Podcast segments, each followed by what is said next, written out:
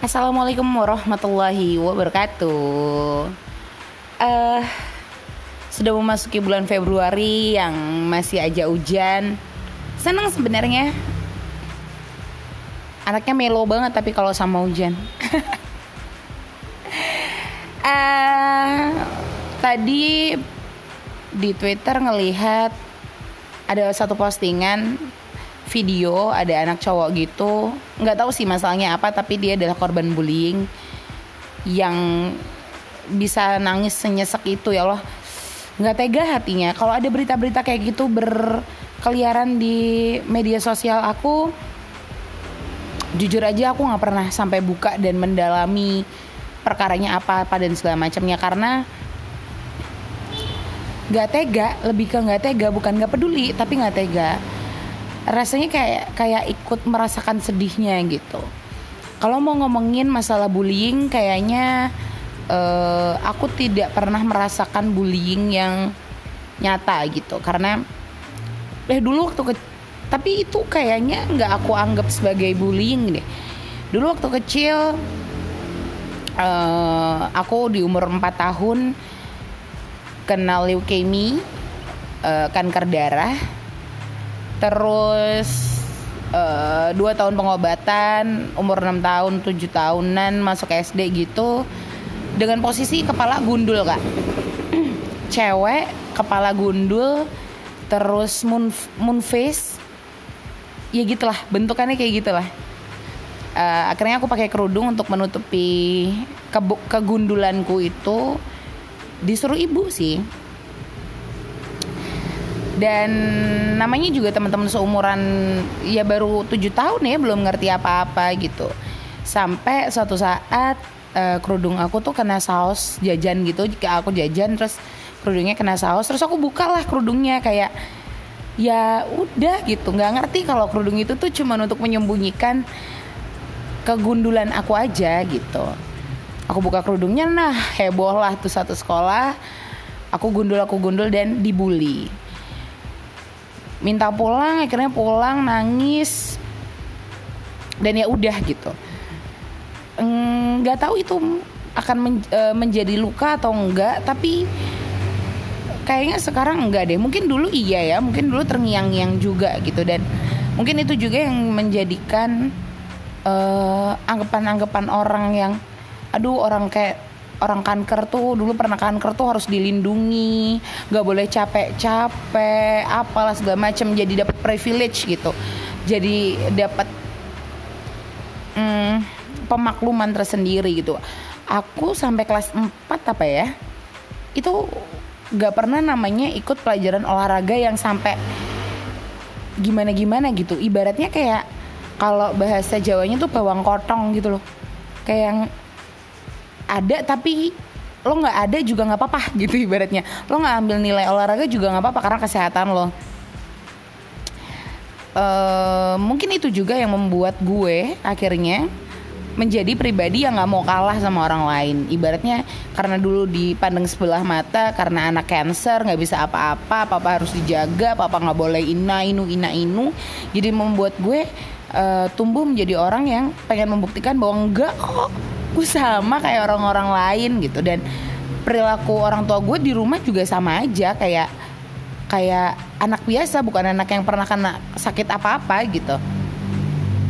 Nah, itu adalah efek yang baik saat kita mendapatkan bullying. Tapi uh, setelah aku mengenal dunia, apalagi dunia kerja gitu, ternyata efeknya luar biasa. Buat orang yang belum siap, ternyata menyakitkan juga gitu. Ya intinya aku uh, aku pernah bekerja di salah satu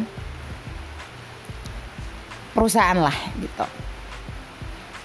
Mungkin buat teman-teman yang tahu yang kenal atau yang dengerin ini mungkin ada beberapa orang yang tahu aku pernah kerja di mana. Nah uh, memang di situ aku paling muda waktu itu umurku baru berapa ya? 20 atau 21 ya?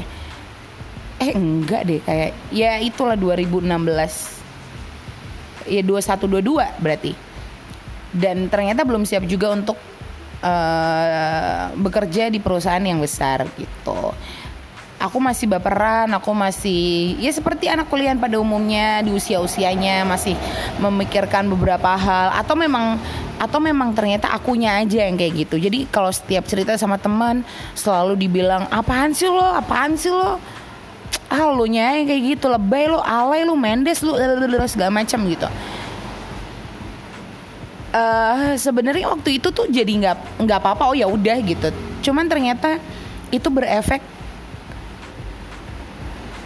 um, gimana ya gue jadi nggak bisa buat cerita apa-apa ke orang gitu. Takut cerita tuh takut.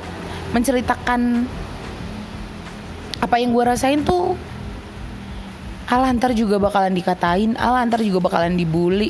Alah ntar juga gak didengerin. Alah ntar juga bakal Jadi gitu. Jadi dan itu membuat gue Merasa untuk ya udah gue simpen aja sendiri gitu. Padahal gue adalah tipikal orang yang ekspresif banget. Sedih ya sedih seneng ya seneng uh, marah ya marah gitu. Walaupun marah gue nangis sih. Nggak bisa ya marah yang bentak-bentak gitu uh, dan itu berlanjut sampai pertengahan bulan eh pertengahan tahun lalu. Akhirnya semua masalah itu meledak karena gue nggak bisa cerita sama siapa-siapa gue nggak bisa percaya cerita sama siapa-siapa. Bahkan orang-orang yang gue percaya untuk gue cerita pun uh, kadang juga melakukan hal-hal seperti itu yang ala lo mah ya udah sih harusnya bersyukur. Ya bersyukur tapi cuman pengen sambat Arab sambat oleh lo aduh kenapa sih orang-orang ini? Ya itu akhirnya meledak dan semuanya yang membuat gue akhirnya enam bulan mengurung diri dan sekarang menjadi sudah mulai membuka pertemanan baru sudah mulai mau ketemu sama orang-orang lagi gitu walaupun nggak pengen ketemu sama orang-orang banyak. Nah itu efek bullying yang nggak yang nggak bagus gitu benci boleh nggak suka boleh tapi jangan jangan menjatuhkan mentalnya. Lo nggak pernah tahu lo apa yang dia rasakan. Dengan omongan lo yang sedikit gitu aja yang kayak pan sih lo? Lo nggak pernah tahu lo dia tuh gimana menanggapinya. Apalagi orang-orang yang punya masalah sensitivitasnya tuh lebih tinggi dan lebih besar. Kalau memang ternyata lo nggak bisa ngedengerin cerita teman lo uh, yang sedang hektik-hektiknya lo bilang sama dia lo keep lo keep dulu boleh nggak? Kasih gue waktu sehari aja. Besok kita ketemu kita cerita. Kalau lagi nggak mood tuh gitu aja. Bi atau bilang gue lagi nggak mood nih ngedengerin cerita lo. Gue lagi nggak mood nih ngedengerin curhatan. Gue juga lagi nggak enak feeling gitu. Happy happy aja yuk. Nah udah daripada lo memaksakan keadaan lo yang lagi nggak enak buat ngedengerin uh, curhatan temen lo terus yang keluar adalah kata-kata yang seakan-akan apa yang dirasakan tuh remeh temeh di mata lo. Di mata semua orang bahkan. Itu efeknya besar kak. Mungkin hari itu tidak tidak terjadi efek apa-apa. Tapi nanti setahun dua tahun tiga tahun lagi lo nggak akan tahu apa yang terjadi sama dia intinya adalah benang merahnya adalah belajar untuk tahu siapa lawan bicara lo kalau lawan bicara lo memang uh, adalah tipikal orang yang sensitif gunakanlah pilihan-pilihan kata atau pilihan-pilihan kalimat yang baik juga. Kalau memang tipikal orangnya adalah yang bisa lo anjing-anjingin ya anjing-anjingin gitu. Asal jangan judge orang, jangan ngejudge uh, apa yang menurut lo salah. Itu tuh akan salah buat semua orang, akan salah buat dunia gitu. Enggak. Karena kalau menurut gue salah dan benar itu adalah buatan manusia sendiri. Contohnya, gue sebagai perokok, gue perempuan, gue pernah cancer, gue ngerokok. Buat orang-orang itu salah, tapi buat gue enggak. Satu, dua, lo ngapain deh? Orang udah tahu cowok lo bajingan, masih aja lo pertahanin. Salah perasaan lo. Nggak itu menurut menurut orang lain salah. Tapi menurut dirinya sendiri ya enggak. Ya namanya ya namanya hubungan tuh perlu diperjuangkan tipe kalau orang masing-masing. Jadi kalau ngomongin benar dan salah itu adalah persepsi orang masing-masing. Itu adalah buatan manusia. Nggak perlu memaksakan apa yang ada di kepala lo untuk dilakukan orang lain. Saat teman lo bercerita ya biarkan dia cerita. Kasih masukan kasih masukan. Tapi jangan pernah memaksa dia untuk melakukan apa yang lo mau karena saat lo paksa dia untuk melakukan apa yang lo mau, lo nggak bisa ngukur bagaimana kemampuan orang lain untuk melakukan apa yang lo mau.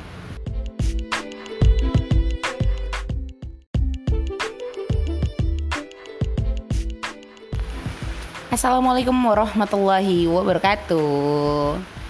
Uh, sudah memasuki bulan Februari yang masih aja hujan seneng sebenarnya anaknya melo banget tapi kalau sama hujan. Uh, tadi di Twitter ngelihat ada satu postingan video ada anak cowok gitu. Nggak tahu sih masalahnya apa tapi dia adalah korban bullying yang bisa nangis senyesek itu ya Allah. Nggak tega hatinya. Kalau ada berita-berita kayak gitu berkeliaran di media sosial aku jujur aja aku nggak pernah sampai buka dan mendalami perkaranya apa apa dan segala macamnya. Karena nggak tega lebih ke nggak tega bukan nggak peduli tapi nggak tega. Rasanya kayak kayak ikut merasakan sedihnya gitu. Kalau mau ngomongin masalah bullying kayaknya uh, aku tidak pernah merasakan bullying yang nyata gitu. Karena eh dulu waktu ke tapi itu kayaknya nggak aku anggap sebagai bullying deh. Dulu waktu kecil uh, aku di umur 4 tahun kenal leukemia uh, kanker darah. Terus uh, dua tahun pengobatan umur 6 tahun 7 tahunan masuk SD gitu. Dengan posisi kepala gundul kak. Cewek kepala gundul terus moon moon face ya gitulah bentukannya kayak gitulah. Uh, akhirnya aku pakai kerudung untuk menutupi ke kegundulanku itu. Disuruh ibu sih. Dan namanya juga teman-teman seumuran ya baru tujuh tahun ya belum ngerti apa-apa gitu. Sampai suatu saat uh, kerudung aku tuh kena saus jajan gitu jika aku jajan terus kerudungnya kena saus. Terus aku buka lah kerudungnya kayak ya udah gitu nggak ngerti kalau kerudung itu tuh cuma untuk menyembunyikan kegundulan aku aja gitu. Aku buka kerudungnya nah heboh lah tuh satu sekolah. Aku gundul aku gundul dan dibully. Minta pulang akhirnya pulang nangis. Dan ya udah gitu. Nggak tahu itu akan men, e, menjadi luka atau enggak tapi kayaknya sekarang enggak deh. Mungkin dulu iya ya mungkin dulu terngiang-ngiang juga gitu. Dan mungkin itu juga yang menjadikan uh, anggapan-anggapan orang yang aduh orang kayak orang kanker tuh dulu pernah kanker tuh harus dilindungi nggak boleh capek-capek apalah segala macam jadi dapat privilege gitu. Jadi dapat hmm, pemakluman tersendiri gitu. Aku sampai kelas 4 apa ya itu gak pernah namanya ikut pelajaran olahraga yang sampai gimana gimana gitu. Ibaratnya kayak kalau bahasa Jawanya tuh bawang kotong gitu loh. Kayak yang ada tapi lo nggak ada juga nggak apa-apa gitu ibaratnya. Lo nggak ambil nilai olahraga juga nggak apa-apa karena kesehatan lo. Uh, mungkin itu juga yang membuat gue akhirnya menjadi pribadi yang nggak mau kalah sama orang lain. Ibaratnya karena dulu dipandang sebelah mata karena anak cancer nggak bisa apa-apa papa harus dijaga papa nggak boleh ina inu ina inu jadi membuat gue uh, tumbuh menjadi orang yang pengen membuktikan bahwa enggak kok gue sama kayak orang-orang lain gitu. Dan perilaku orang tua gue di rumah juga sama aja kayak kayak anak biasa bukan anak yang pernah kena sakit apa-apa gitu. Nah itu adalah efek yang baik saat kita mendapatkan bullying. Tapi uh, setelah aku mengenal dunia, apalagi dunia kerja gitu, ternyata efeknya luar biasa. Buat orang yang belum siap ternyata menyakitkan juga gitu. Ya intinya aku uh, aku pernah bekerja di salah satu perusahaan lah gitu mungkin buat teman-teman yang tahu yang kenal atau yang dengerin ini mungkin ada beberapa orang yang tahu aku pernah kerja di mana. Nah, uh, memang di situ aku paling muda waktu itu umurku baru berapa ya? 20 atau 21 ya? Eh enggak deh kayak ya itulah 2016. Ya 21 22 berarti. Dan ternyata belum siap juga untuk uh, bekerja di perusahaan yang besar gitu aku masih baperan, aku masih ya seperti anak kuliah pada umumnya di usia-usianya masih memikirkan beberapa hal atau memang atau memang ternyata akunya aja yang kayak gitu. Jadi kalau setiap cerita sama teman selalu dibilang apaan sih lo, apaan sih lo, ah lo nya kayak gitu lebay lo, alay lo, mendes lo, segala macam gitu. Uh, sebenarnya waktu itu tuh jadi nggak nggak apa-apa oh ya udah gitu. Cuman ternyata itu berefek um, gimana ya gue jadi nggak bisa buat cerita apa-apa ke orang gitu. Takut cerita tuh takut. Menceritakan apa yang gue rasain tuh Alah ntar juga bakalan dikatain Alah ntar juga bakalan dibully Alah ntar juga gak didengerin Alah ntar juga bakal Jadi gitu. Jadi dan Itu membuat gue Merasa untuk ya udah gue simpen aja sendiri gitu. Padahal Gue adalah tipikal orang yang ekspresif banget sedih ya sedih seneng ya seneng. Uh, marah ya marah gitu walaupun marah gue nangis sih. Nggak bisa ya marah yang bentak-bentak gitu. Uh, dan itu berlanjut sampai pertengahan bulan eh pertengahan tahun lalu akhirnya semua masalah itu meledak karena gue nggak bisa cerita sama siapa-siapa. Gue nggak bisa percaya cerita sama siapa-siapa. Bahkan orang-orang yang gue percaya untuk gue cerita pun uh, kadang juga melakukan hal-hal seperti itu yang ala lo mah ya udah sih harusnya bersyukur. Ya bersyukur tapi cuman pengen sambat. Arab sambat oleh lo aduh kenapa sih orang-orang ini? Itu akhirnya meledak dan semuanya yang membuat gue akhirnya enam bulan mengurung diri dan sekarang menjadi sudah mulai membuka pertemanan baru, sudah mulai mau ketemu sama orang-orang lagi gitu, walaupun nggak pengen ketemu sama orang-orang banyak. Nah, itu efek bullying yang nggak yang nggak bagus gitu. Benci boleh, nggak suka boleh, tapi jangan jangan menjatuhkan mentalnya. Lo nggak pernah tahu lo apa yang dia rasakan dengan omongan lo yang sedikit gitu aja yang kayak, pan sih lo? lo nggak pernah tahu loh dia tuh gimana menanggapinya. Apalagi orang-orang yang punya masalah sensitivitasnya tuh lebih tinggi dan lebih besar. Kalau memang ternyata lo nggak bisa ngedengerin cerita teman lo uh, yang sedang hektik-hektiknya lo bilang sama dia lo keep lo keep dulu boleh nggak kasih gue waktu sehari aja. Besok kita ketemu kita cerita. Kalau lagi nggak mood tuh gitu aja. Bi atau bilang gue lagi ngamut nih ngedengerin cerita lo.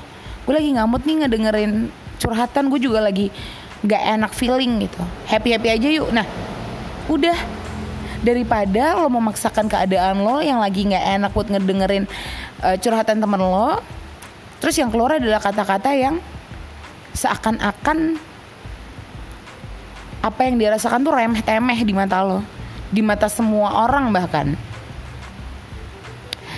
Itu efeknya besar kak. Mungkin hari itu tidak tidak terjadi efek apa-apa.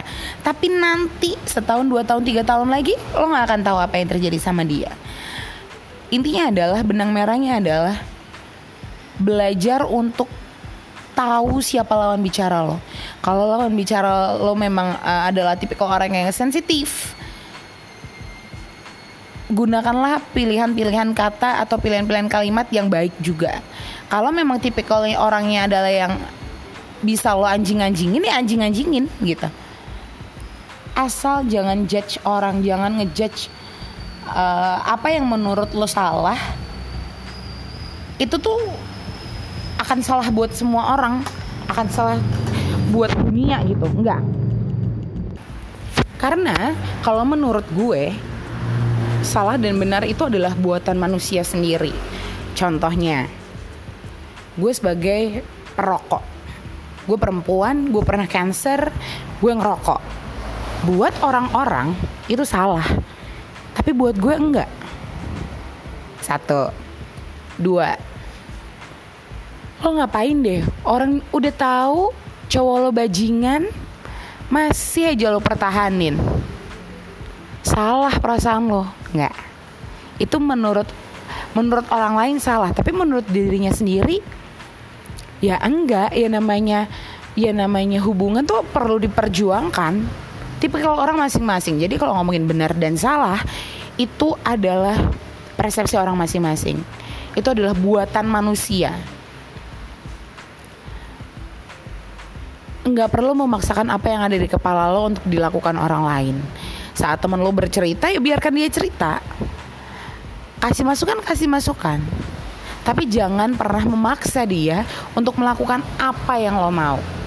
Karena saat lo paksa dia untuk melakukan apa yang lo mau, lo nggak bisa ngukur bagaimana kemampuan orang lain untuk melakukan apa yang lo mau.